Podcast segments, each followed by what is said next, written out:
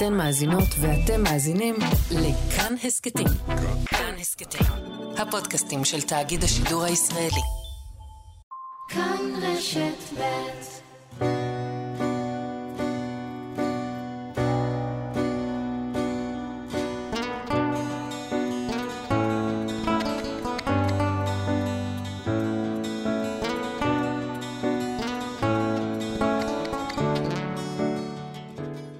היי, אתם מאזינים להסכת שניים עם אשכול נבו. בפרק הזה נדבר עם רן כהן אהרונוב, סופר ילדים, מוזיקאי מיוצרי הפרויקט המלבב ילדי בית העץ, ואיש חינוך שבחודש האחרון מקים מתחמים לגיל הרך במולדובה לפליטים מאוקראינה.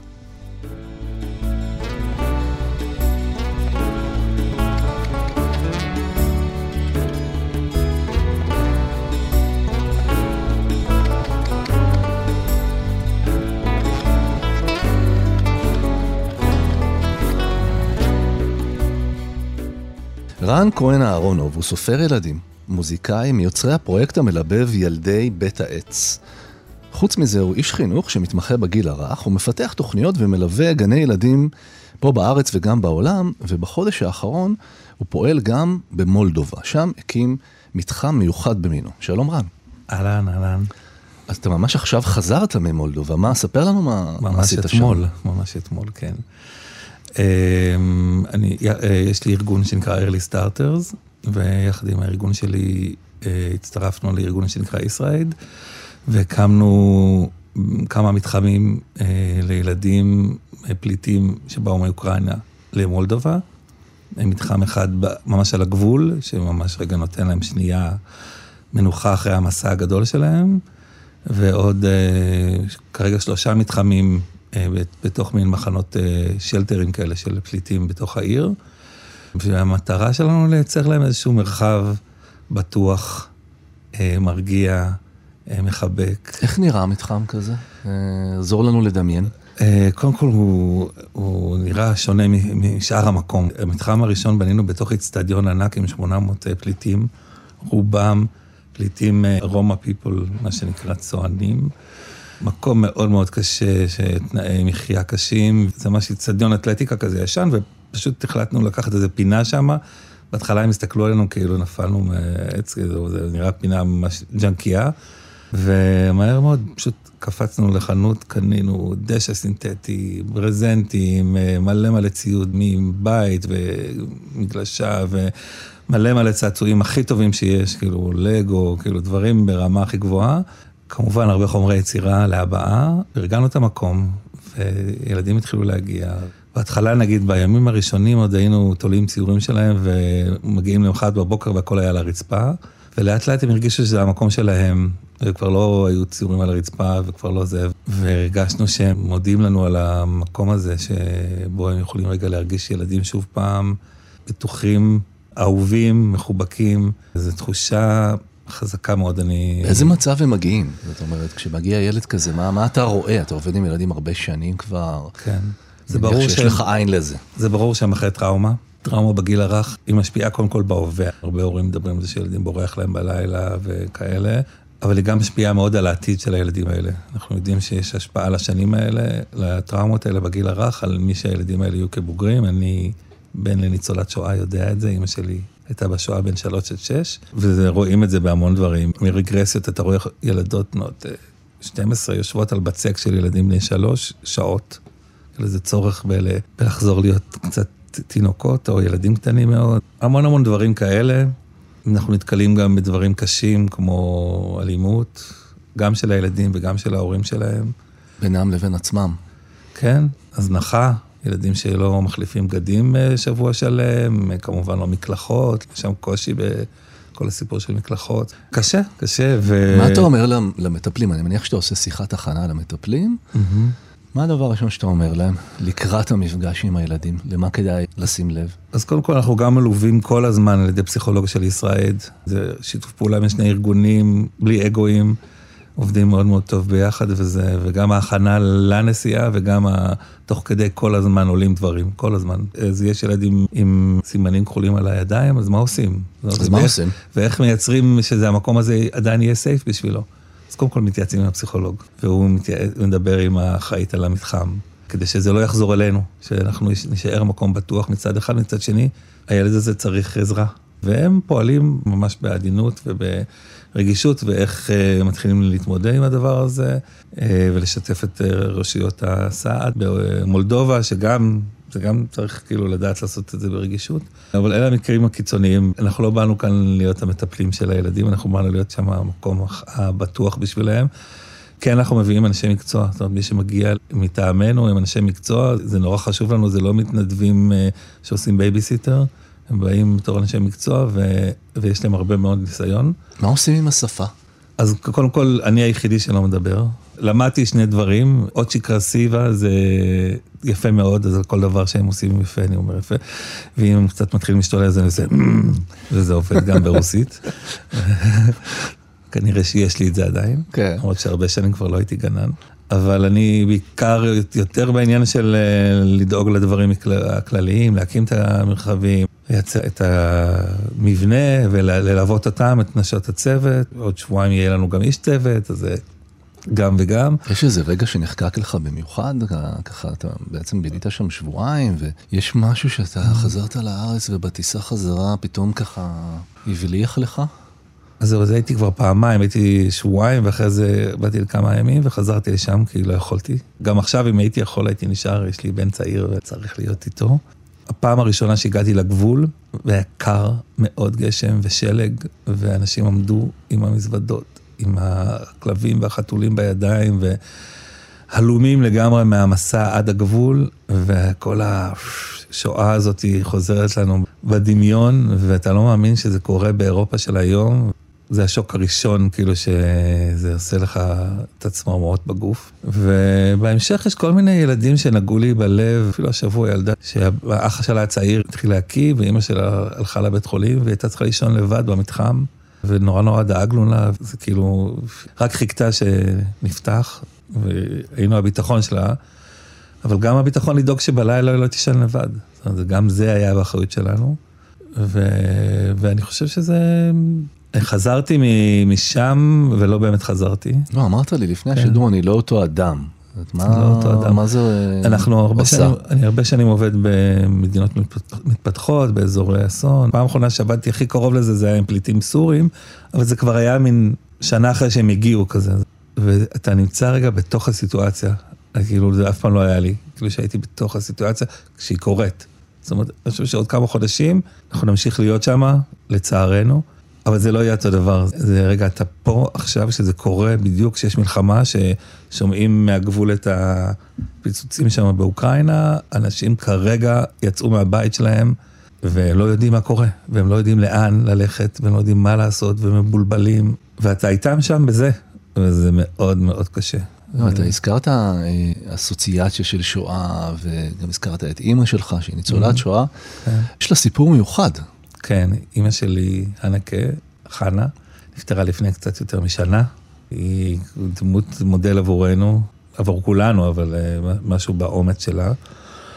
ובאמת הסיפור שלה היה שהיא חיה בהולנד, ובגיל שלוש uh, נכנסו הגרמנים, וההורים שלה, בעזרת המחתרת, הלכו להתחבא באיזה מקום, והיא הועברה כמה משפחות עד שהגיעה ללילה אחד למשפחה, משפחת פרימובייס. והיא נשארה לשם לשלוש שנים. למשפחה הזאת הייתה ילדה קטנה שקראו לה פיט, היא הייתה גדולה מאימא שלי בשלוש שנים, והם הפכו להיות חברות הכי טובות forever, כאילו. הם החביאו אותה בעצם? הם החביאו אותה בבית. לקחו סיכון גם. לקחו סיכון מטורף על החיים שלהם, לא רחוק מהבית של אנה פרנק, מטורף. באמסטרדם אנשים אומרים, ברחוב היו שטינקרים, ידעו על זה, זאת אומרת, ידעו שהיו כאלה שהלשינו ברחוב, סיכנו אותם ואת הבת שלהם הצעירה.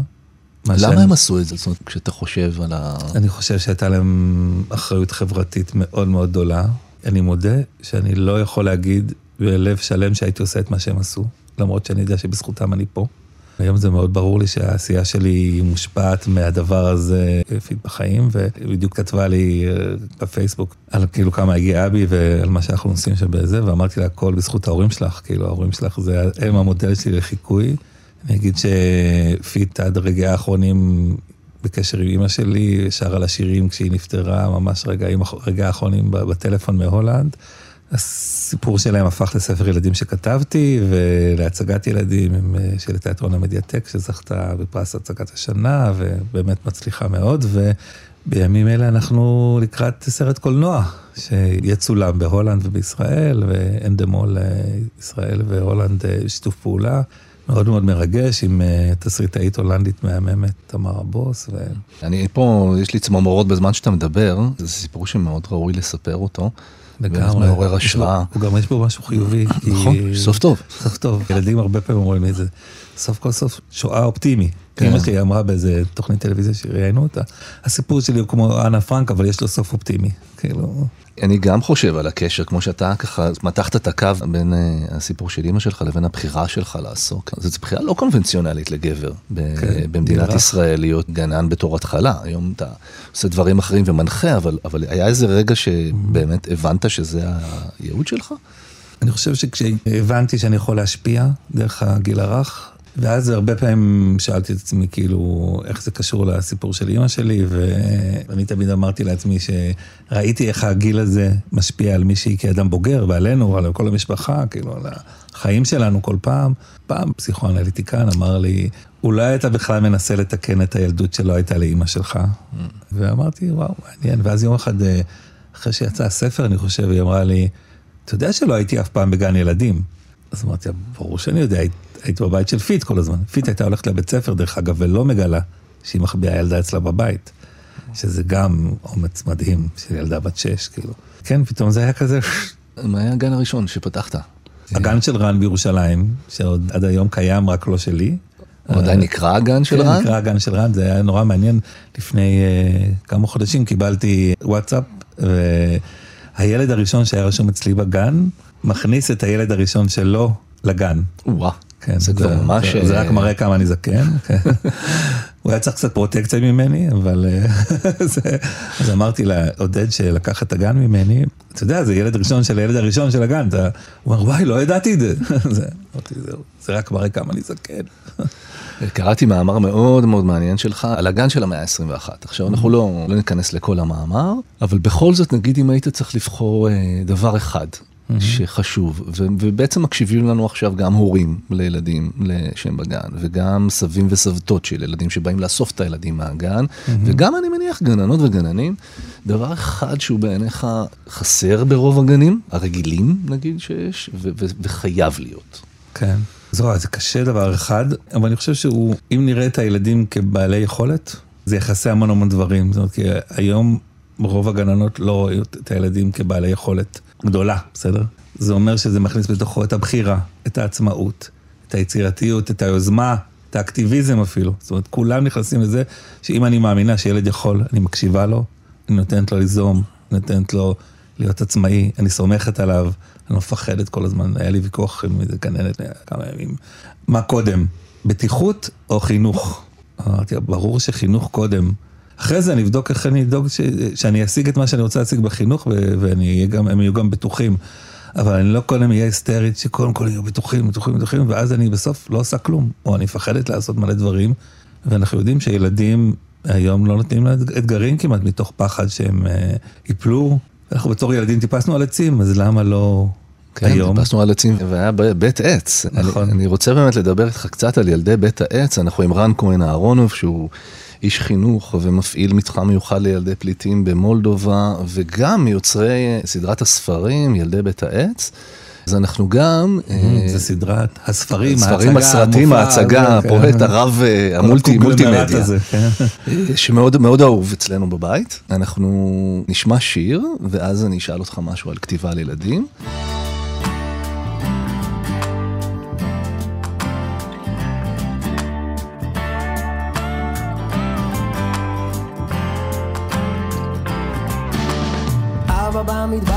רעש של כלים.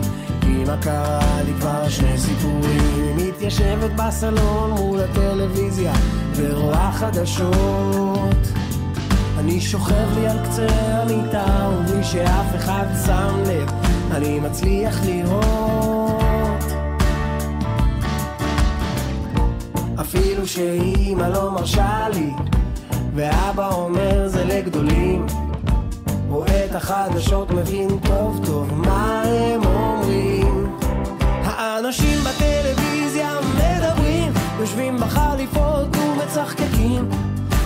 והחזאי אומר מחר יהיה יום יפה, אבל אני חושב על היום הזה, ומה אני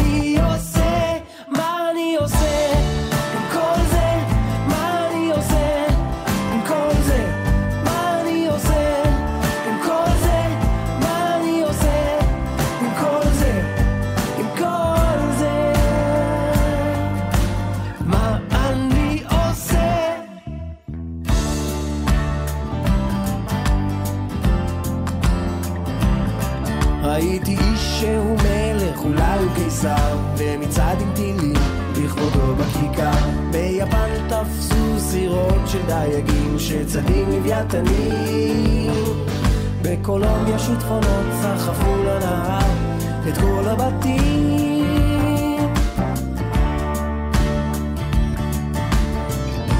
אפילו שאימא לא מרשה לי, ואבא אומר זה לגדולים. אני רואה בחדשות דברים שבאמת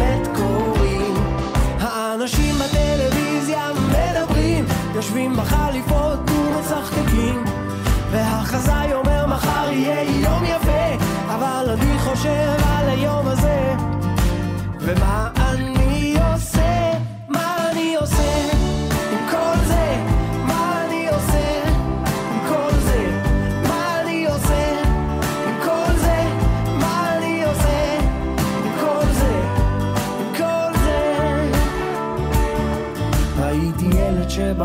מסוריה, הוא נראה מבוהל.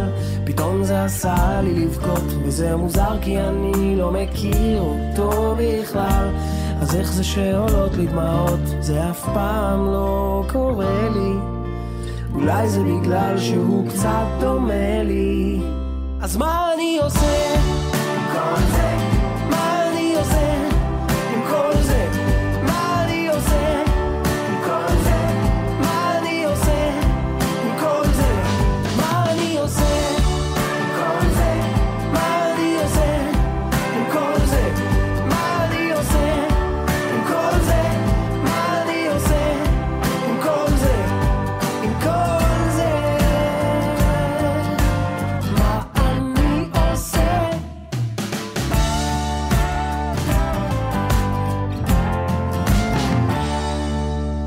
בעצם שיר, אה, רן, ש- שקורא למעורבות חברתית. זאת אומרת, זה שיר שיש לו ממש אה, כמעט הנאה לפעולה, נכון? לגמרי, לגמרי.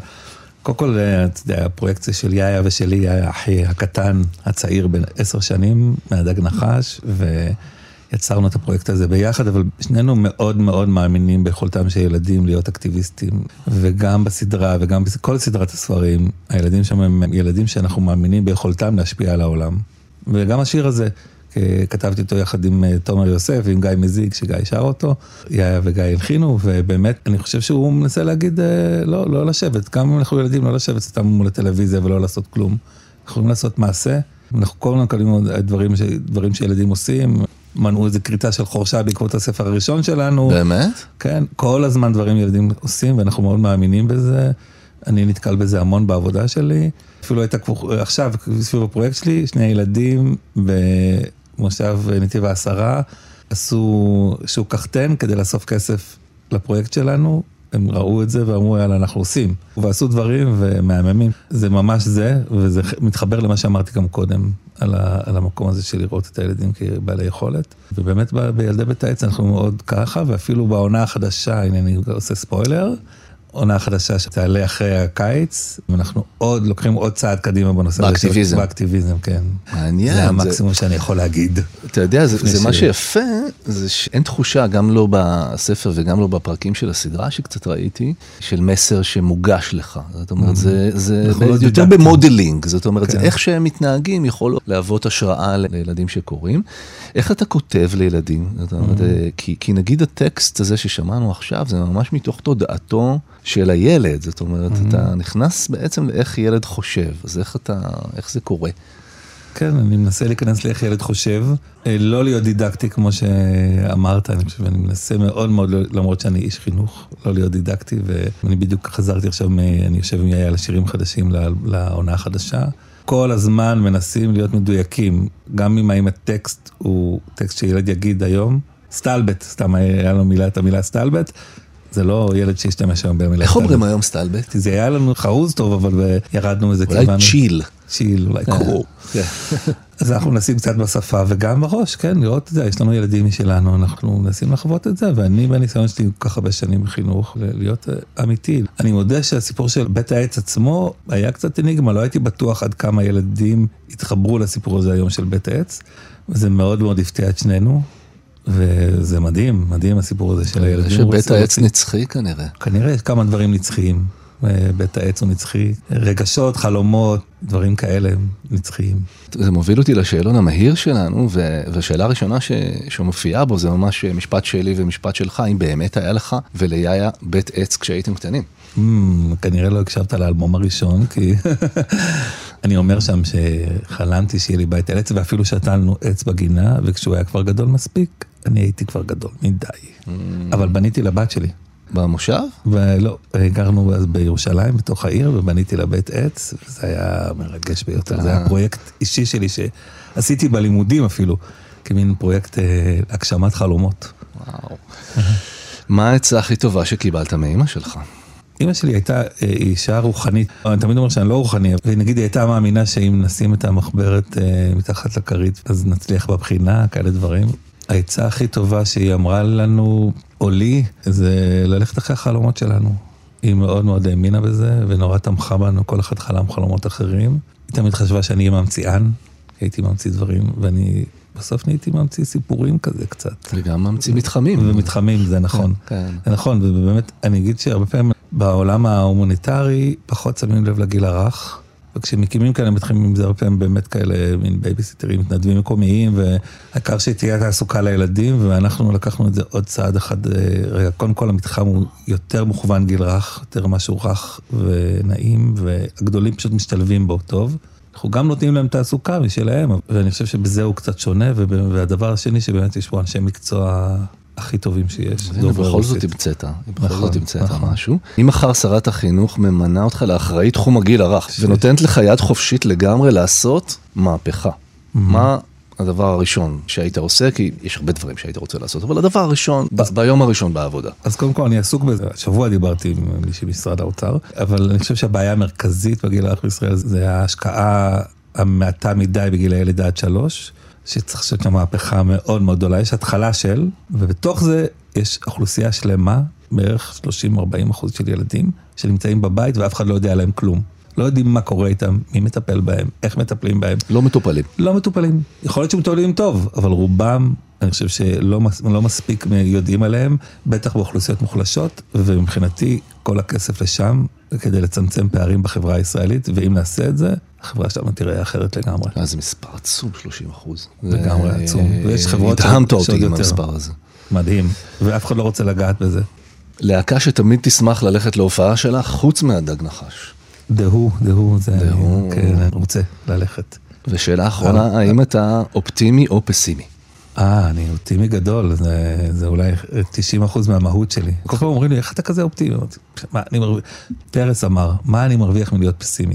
אני ממש שמה. פסימיות היא ממני והלאה, אני לא מרוויח ממנה כלום. וזה מניע אותי תמיד, ובסופו של דבר זה כמעט תמיד מוכיח את עצמו. זה לא שאני לא נכשל, אני נכשל.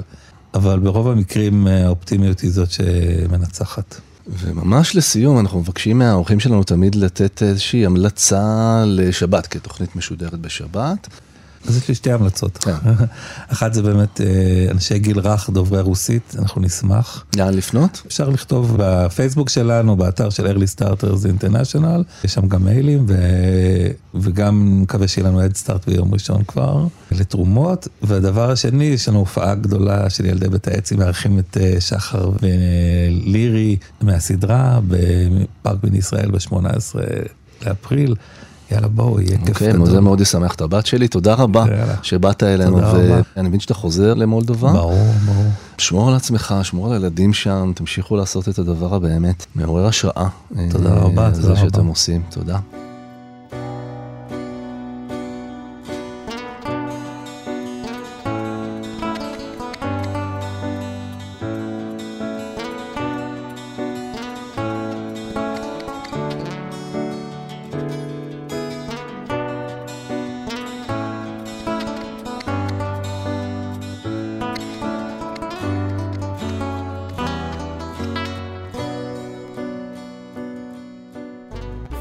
האזנתם לפרק של שניים עם אשכול נבו. העורכת, איילת דוידי, עיצוב קול ומיקס, ראובן מן.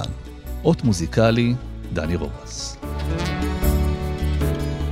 אם תרצו לשמוע עוד על קרוואן החלל הנייד שמסתובב ברחבי הארץ, הפלנטריום שכבר הוקם בנוף הגליל והתוכניות העתידיות להגיע עד גיל 21 לירח, אתם מוזמנים להאזין להסכת עם דוקטור מרינה חץ. אם היה לכם מעניין, נשמח אם תשתפו את הפרק. אם יש לכם הערות על מה שאמרנו, אתם מוזמנים ומוזמנות לכתוב בקבוצת הפודקאסטים שלנו כאן, הסכתים. תוכלו לכתוב לנו גם בעמוד הפייסבוק שלנו, כאן ב'. את כל הפרקים שלנו והסכתים נוספים בבית כאן תוכלו למצוא באפליקציית הפודקאסטים האהובה עליכם, באתר שלנו וגם בספוטיפיי. אני אשכול נבו, נשתמע.